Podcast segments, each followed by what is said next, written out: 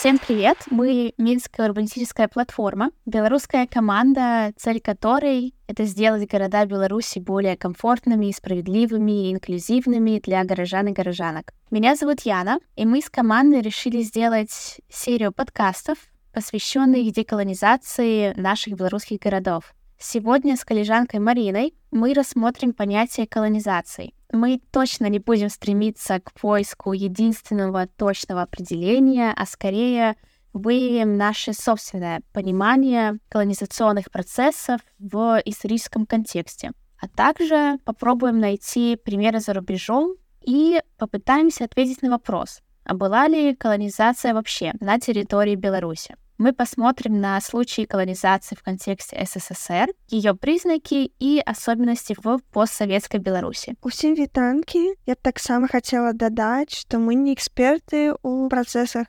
дэкаланізацыі каланізацыі і не даем дакладных вызначэнняў нічому не навучаем мы тут каб паразважаць адна з адным пра працэсы якія нас хвалююць у наших беларускіх гарадах Ну і вось можам мне падаецца пачаць з гэтага самага тэрміна каланізацыі як ён адлюстроўваецца ў розных слоўнікаў. Руская энцыклапедія кажа што это такое масавае уяўленне ці міграцыя ў некультурную ці малакультурную краіну выхадцаў з якой-небудзь цывілізацыйнай дзяржавы каб асвоіць ці засяліць новыя краіны. І таксама яны праводзяць каланіяльную палітыку дзе часта эксплуатацыя праводзіцца вайсковымі палітычнымі і эканамічнымі метадамі сплатуюцца народы краіны тэрыторыі пераважна з іншанацыйным насельніцтвам І вызначаюць эканамічна менее развітыя краін з другога боку кембрыжскі слоўнік кажа што каланізацыя гэта працэс адпраўкі метраполямі людзей у іншай краіны якія таксама на менш развітыя з мэтай там жыць кіраваць гэтымі тэрыторыямі і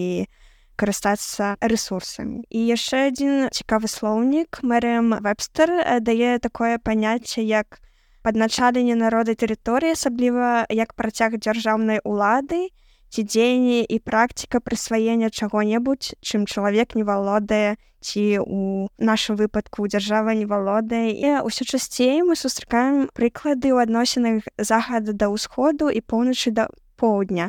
То бок гэтых паняццях захад і поўнач выступаюць каланізатарамі. Ну яшчэ можам паглядзець такія слова як унутраная каланізацыя. Гэта мне падаецца не зусім у про нашу тэму тому что большасць перасялення народа і гаспадарчае асваенне пустуючых зямель у рамках адной краіны хаця такі працэс адбываўся мне падаецца даволі характэрна у асваенні сібіры ў савецкія часы і зараз калі большасць краін свету атрымала афіцыйная незалежнасць пасля свайго каланізацыйнага мінулага таксама мне падаецца важна паглядзець на такі тэрмін неакаланіялізм, дзе сістэма падначалення эксплуатацыі развітых каланістычных дзяржаў маладых неразвітых краін эканомік, у тым ліку нядаўні, які вызваліліся з каланіяльнай палітыкі незалежнасці, пакуль яшчэ не вельмі дараслі да развітых краін. Таму ёсць такі ўплыў ад былых метраполій на гэтыя тэрыторыі. Вось на что ты на гэты кон думаешь? Я думаю, что раз мы уже начали говорить про колониализм, то есть еще понятие колонизация космоса, но она для нас совсем сейчас не актуальна, и затрагивать мы ее не будем. В целом есть много критериев для определения колониальной империи, но все-таки большинство исследователей и исследовательниц, мне кажется, выделяют несколько общих направлений. Первое — это, скажем так, существование различных частей империи. Все мы знаем, что Британская империя раньше включала в себя различные части мира, такие как Индия, Австралия, Канада, Новая Зеландия — даже острова Карибского бассейна, где Великобритания, собственно, устанавливала свою власть. Второй пункт, наверное, будет то, что территории всегда подвергаются экономической эксплуатации. Например, то, как Испания колонизировала большую часть Центральной и Южной Америки, как она включала территории Мексики, Перу, Аргентины, ну и эксплуатировала их ресурсы, драгоценные металлы и другие продукты. Третьим пунктом будет очень важно упомянуть то, что все-таки, когда мы говорим про колонизацию, то большая часть территории была захвачена военным путем. Например, Франция в своей колониальной истории захватила достаточно много территорий по всему миру, включая Африку, Азию, Океанию. Четвертый пункт — культурное неравенство. Например, когда Бельгия колонизировала Конго, создавая свое бельгийское Конго, бельгийцы внедряли систему принудительного труда, жесткого контроля, грабежа ресурсов, что привело, конечно же, к культурному и социальному неравенству между колонизаторами и местным населением. Учитывая эти четыре пункта колониальных империй, у нас уже есть некое понимание процессов колонизации, и на их основе мы уже можем порассуждать в советском контексте о Беларуси. Мы выбрали именно рамки Советского Союза, так как это все-таки наша недавняя история, которая очень тесно сейчас переплетается с тем, что происходит сейчас. Давай, Марина, все-таки попробуем ответить на вопрос, а была ли Беларусь колонизирована? Пра расійскую імперыю зараз мы не будзем казаць, таму што мне падаецца гэта можа быць частка тых крытэрыяў, якія мы глядзелі раней у прыкладах Брытаніі ці Францыі, А вось савецкі звяз даволі цікавы напрамак. Зараз насамрэч існуе даволі шмат спрэчак сярод акадэмікаў і інтэлектуалаў. Быў насамрэч савецкі звяз краінай каланізатарам і паколькі ён не заўсёды ўпісваецца ў тыя межы у тых акрэсванняў, якія задае, напрыклад, заходнія тэорыі. Таму мы паспрабуем зараз з гэтым разабрацца. Вось як ты казала пра гэтыя крытэрыі каланізацыі, давай, мабыць, паглядзім у кантэксце Савецкага саюза. Першы з іх гэта існаванне розных частак дзяржавы, што знаходзяцца ў няроўных адносінах і сапраўды ССР быў абсалютна цэнтралізаванай дзяржавай. Развязкі прымаліся ў цэнтры ў Маскве. Але было шмат цікавых момантаў як гэты цэнтр камунікаваў з іншымі рэспублікамі.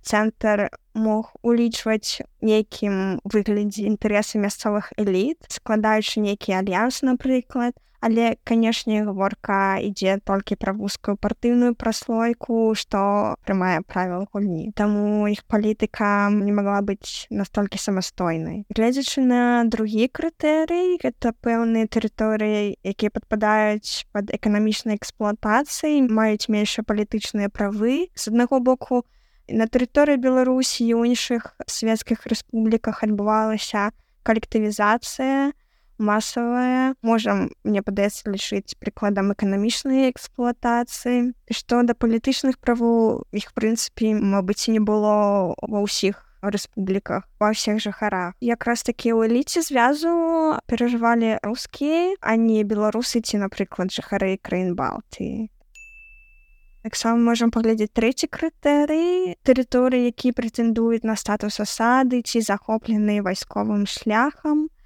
Іх асноўнае насельніцтва належыць да іншых нацыянальнасцяў. Тут таксама можам казаць, што бальшавікі не мелі шырокай падтрымкі ў Беларусі. Яны захапілі ўладу, разгарнуўшы ўсе беларускі з'езд, а потым не далі сфармавацца народнай рэспублікі. І такія працэсы мелі месца ў іншых дзяржавах. Чацвёрты такі вось культурная няроўнасць, а таксама мела места быць Мабыць, на розных узроўнях, таму што мы ўсе ведаем, напрыклад, пра вялікія каланізацыйныя працэсы ў сярэдняй Азіі, у Балтыкі, пра Беларусь, Украіну, Малдову не шмат казалі, неяк не разглядалась нават гэтыя тэрыторыі як іншыя народы ці што. Таксама гэта масавая русіфікацыя, знішчэнне помнікаў беларускай архітэктуры, і хаця там напрыклад беларусы мелі нейкую магчымасць утварэння нароўні з іншымі жыхарамі савецкага саюза але найчасцей праз рускую мову і камуністычны дух. Мабыць праз гэтай крытэрыі у савецкім звязі дакладна меў места быць каланізацыя Мабыць паўнавартасная імперыя па класічных адзнаках цяжка гэта назваць але ну як мы ўжо казалі працэсы у савецкім звязі не шмат вывучаліся і не да ўсіх краінах таму вось так почему мы считаем что Беларусь была колонизирована, потому что когда мы думаем о самом процессе колонизации, либо же деколонизации, вся эта теория была изначально придумана западными странами, и мы не можем взять всю эту теорию со всеми ее критериями, факторами и просто наложить на Беларусь и на другие постсоветские страны. Я недавно буквально нашла интересный текст исследовательницы деколонизации, где написала, что постколониальный канон теории был рожден в борьбе третьего мира против колонизации первого. Ну или в старых новых терминах юга против севера. И поэтому этот канон, эта теория почти ничего не говорит о втором мире, которым мы как бы и являемся.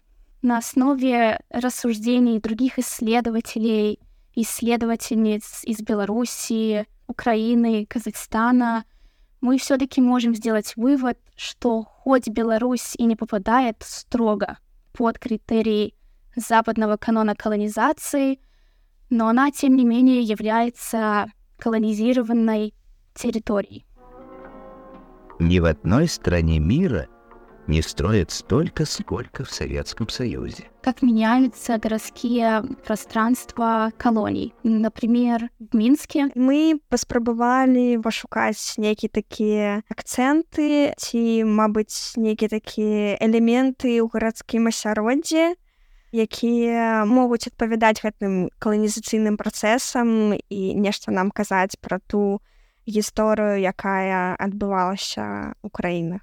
Вось, напрыклад, як мы ўжо раней казалі, лінгвістычнае дамінаванне каланіяльнай метраполій, напрыклад, выкарыстанне мовы метраполіі каланізатара для запаўнення афіцыйнай прасторы, інфармацыйнай прасторы ў гарадскім асяроддзі. Вось такі прыклад я знайшла у былых асадах Францыі, Великабрытаніі, Іспаніі, вельмі часта захоўваліся нацыянальнай мовай, недзе ў якасці нацыянальных і штодзённых недзе толькі ў якасці афіцыйных І вось такім цікавым прыкладам з'яўляецца горад кіншаса сталіца дэмакратычнай рэспублікі конка якая некалі была бельгійскай калоніяй таму гэты горад лічыцца аднім з найвялікшых гарадоў з франкамоўным насельніцтвам і хаця зараз ужо больш-менш штодзённым жыцці людзі спрабуюць ужываць свае лакальныя афрыканскія мовы ўсё ж такі на афіцыйным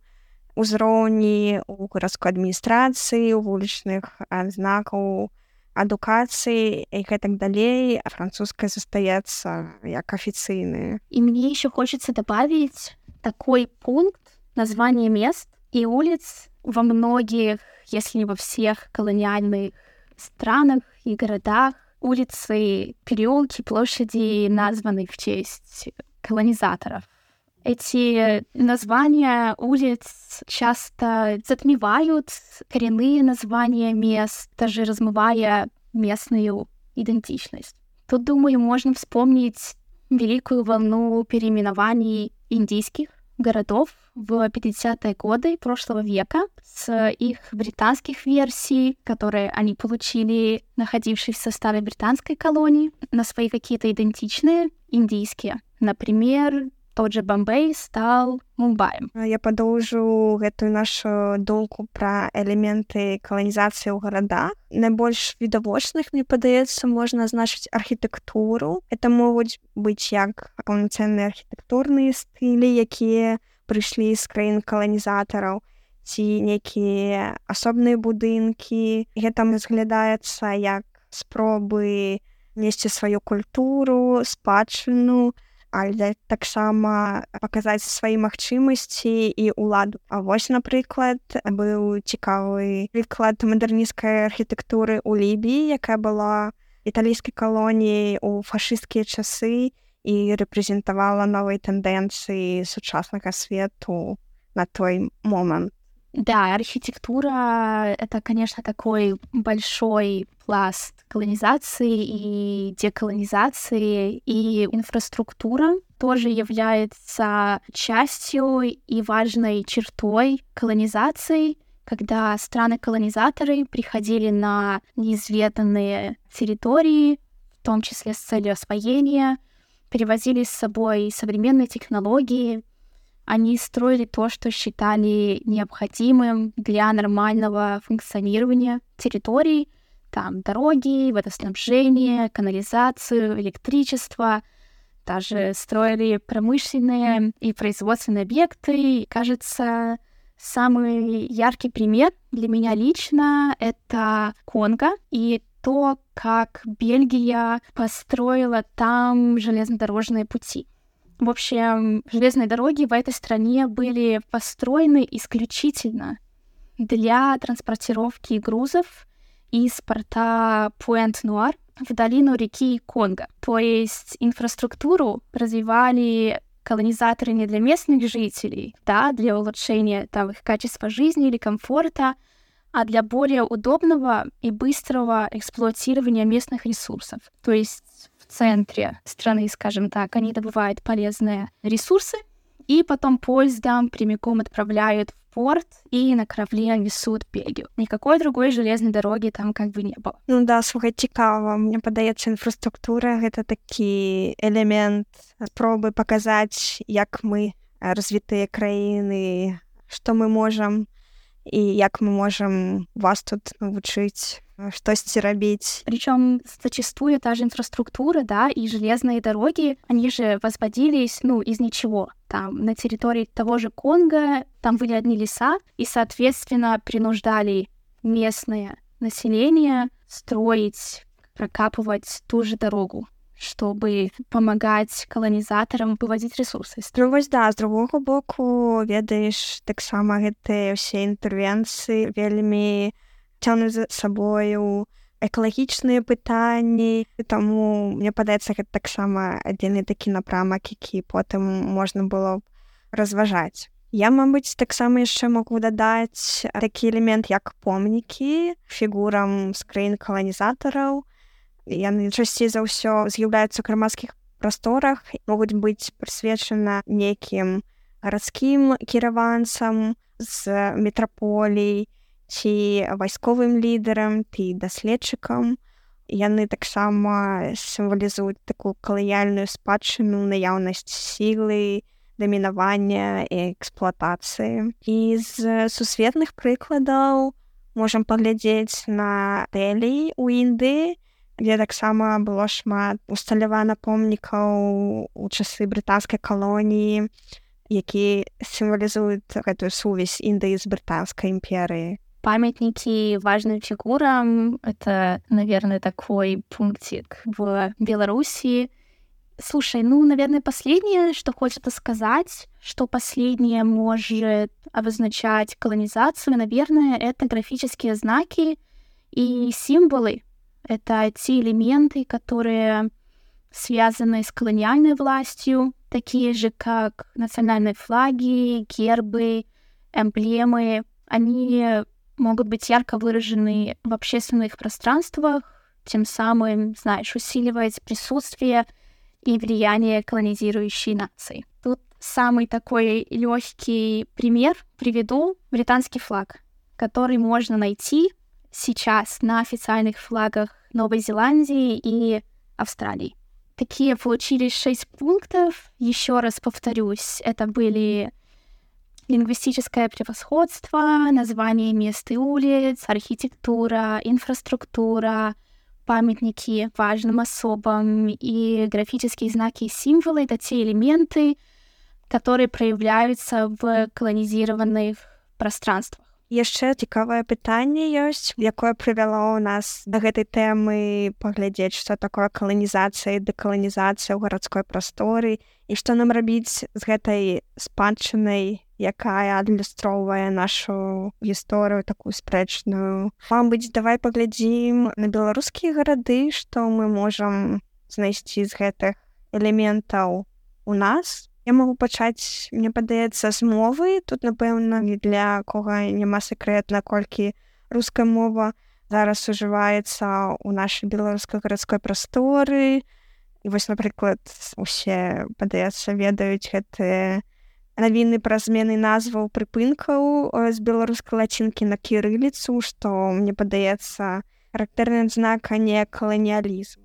Таксама маем шмат савецкіх назваў рэвалюцыйныя камуністычных і так далей і шмат вуліцаў было названа ў гонар светскіх лідараў камуністычных ідэалаў ці важных падзей савецкай гісторыі таксама архітэктура пра якую мы казалі беларускіх гарадах можна знайсці мноства будынкаў што захавалі архітэктурныя стылі якія прыйшлі з цэнтру напрыклад сталінскі ампір ці паўсемесная стандартызацыя жылля і таксама іншыя архітэктурныя формы якія адлюстроўваюць савецкія ідэалы і ўплыў інфраструктура.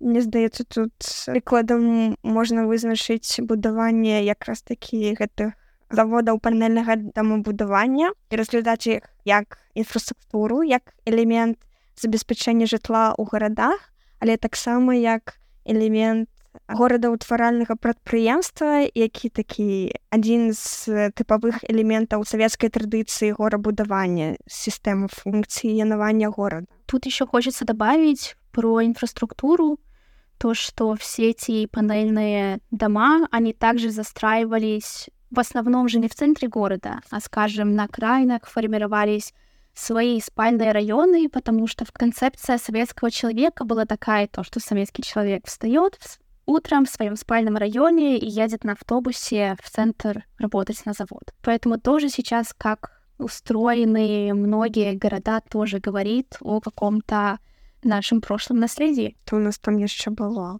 помники, слуха Ленин усюды, вельми цікавый прыклад таксама шмат помнікаў партызанам падпольшчыкам што з аднаго боку аказвае нейкую памяць да партызанскіх рукаў на тэрыторыі нашых гарадоў. Але з іншага боку гэта ж ўсё ж такі транслюе такую агульную савецкую гісторыю. І мабыць невялічкія элементы ў гарадской прасторы нейкія знакі звязаныя з савецкім звязам выявы напрыклад чарпай молада ці чырвонай зоркі які мне падаецца можна знайсці на фасадах будынкаў і на помніках і у элементах гарадскога ландшафту ось тосьці такое мне падаецца мы можам знайсці ў наших беларускіх гарадах да серп и молот можно часто много где увидеть наверное мой любимый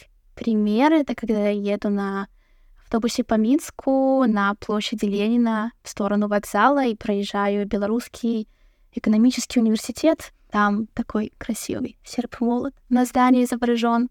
Хочется сделать такой небольшой вывод, что все-таки советская эпоха все еще имеет существенное влияние на нашу архитектуру, историческую память и общественное пространство белорусских городов, и многие из этих признаков все еще продолжают играть важную роль в формировании гарадской ідэнтычнасці і сейчас наша размова адбывалася падчас прамога эфіру ў тэлеграме таму мы атрымалі шмат пытанняў на якія зараз паспрабуем адказаць такое цікавае пытанне чаму вас увогуле зацікавіла тэма дэкаланізацыі каланізацыі можемм паглядзець на тую нашу гісторыю што з намі атрымліваецца зараз як фармуецца наша гарадская прастора не заўсёды для нас зразумела якія адносіны мы можам ствараць з гісторыі з гэтай спадчыны якая да нас прыйшла. Таму пайшлі за адказамі у гэтым напрамку і можам паглядзець з гэтага боку як гэта гісторыя складваецца для нас як яна фармавала нашыя гарады. А як мы можам з гэтыя разважанні паглядзець на нашу идентичность, например? Сейчас, по крайней мере, в западном пространстве эта тема очень актуальна, и то, как сильно и как стремительно сейчас меняются белорусские города, да, то есть ты, например, упомянула латиницу, от которой сейчас начали избавляться на наших остановках в общественном пространстве, она лично меня, да, и нашу команду трогает и становится очень грустно за эти процессы, которые происходят. Поэтому нам стало важно поднять саму тему колонизации в это время, чтобы люди понимали, откуда у этого всего идут истоки, как, например, с этим борются другие страны и что с этим в перспективе можно сделать чтобы было сейчас не так грустно. Таксама бачыла шмат гэтых размоў наконт дэкаланізацыі не каланіяльных адносінаў западных прасторах. Але Беларусь нікуды не ўпісваецца ў гэтыя размовы. Это нешта іншае. І таму Мабыць гэта таксама для нас шанец зараз паспрабаваць казаць на гэтыя ж пытанні и знайсці наше место у истории. Слушай, ну сто процентов, я думаю, раз информации о процессах деколонизации Беларуси нет, то нужно самим делать эту информацию, правильно? Если не мы, то кто? Глядзі, тут вось яшчэ пытанне ёсць. А на вашу думку, панелькі гэта больш пра каланіяльную палітыку, адлюстроўвае мейнстрым тэхналагічных працэсаў таго часу і эканамічнага стану. Мне падаецца тут адно не лучае іншае, таму гэта можа ўспрымацца як калыяльны падэі, але таксама паколькі Беларусі будавались заводы па панельнаму будаванню і шмат праектырошчыкаў працавалі па стварэнні там нейкіх секцый адаптаванні таму гэта таксама можа быць і гэтая праца у гэтых тэхналагічных працэсаў спроба знайсці нешта сваё у гэтай нішы але тут мне падаецца можна разглядаць з таго і з таго боку да я с тобой согласна все-таки панельное жилье это было также и необходимостью все-таки был дефицит нормального жилья поэтому конечно же сейчас панельные дома представляют собой как там в комментариях было написано, мейнстрим технологических процессов того времени. И все-таки, когда на них смотришь, ну, я лично, когда на них смотрю, да, я не думаю о какой-то жесткой колонизации, которая у нас произошла. Какие вы лічыце наступствы ёсць ад таго, што страна каланізатар знаходзіцца з каланізацыйнымі тэрыторыямі по суседству, а не праз такі бар'ер Як мора. Мне падаецца, калі няма вялікіх бар'ераў, ёсць шмат іншых момантаў шляху ўплываць на краіны, якія каланізуюцца і таксама рэагаваць на нейкія такія падзеі, якія не падабаюцца метрополиям, больше эффективно. Все-таки, когда есть какая-то физическая, да, сухопутная граница, то процессы колонизационные все-таки проводить легче. Когда страна-колонизатор находится в не самом лучшем, например, финансовом положении, у нее заканчиваются ресурсы, то, думаю, колониям в такие моменты легче отдалиться, отделиться от колонизатора тоже. Вот, а когда все-таки границы есть, да, на которые можно шагнуть, там без приплывания морей и океанов, то там наверняка и тоже есть примеры, колонизационная политика сильнее, либо же продолжается дольше. Нам тут как раз параілі книжку на гэты конт, якая называется «Внутренняя колонизация. Имперский опыт России». Вось там калі хто цікавіцца можна знайсці ў каментарах спасылачку знайсці ў гэтай кнізе больш адказаў на гэтай пытанні ці больш разважанняў і новых пытанняў. Читаю каментарій мне яшчэ падаецца што калі краіны суседкі то можна каланізацыю лёгка скаваць пад дапамогу. Ці так склалася гістарычна? Гэты вось момант так склалася гістарычна можа прасваць і в далеких колониях, мне подается. Наверное, приведу последний пример Бельгии и Конго, да, хотя они очень далеко друг от друга расположены. Бельгия тоже какое-то долгое время в начале всю колонизацию, принудительный труд, эксплуатацию подавала под видом помощи какому-то необразованному населению, как они говорили, прикрывались вот этой вот помощью, когда делились опытом с другими европейскими странами, прося у них все больше денег на эксплуатацию и колонизацию Конго. Вот, поэтому, да, помощь, есть такой момент в колонизации, и не всегда даже это делает сосед. Ну что, я предлагаю заканчивать. Спасибо большое всем, кто слушал наш подкаст. Во втором эпизоде наши коллеги поговорят о признаках колонизационных процессов в городском пространстве и о том, как эти процессы влияют на жизнь горожан и горожанок. Всем пока!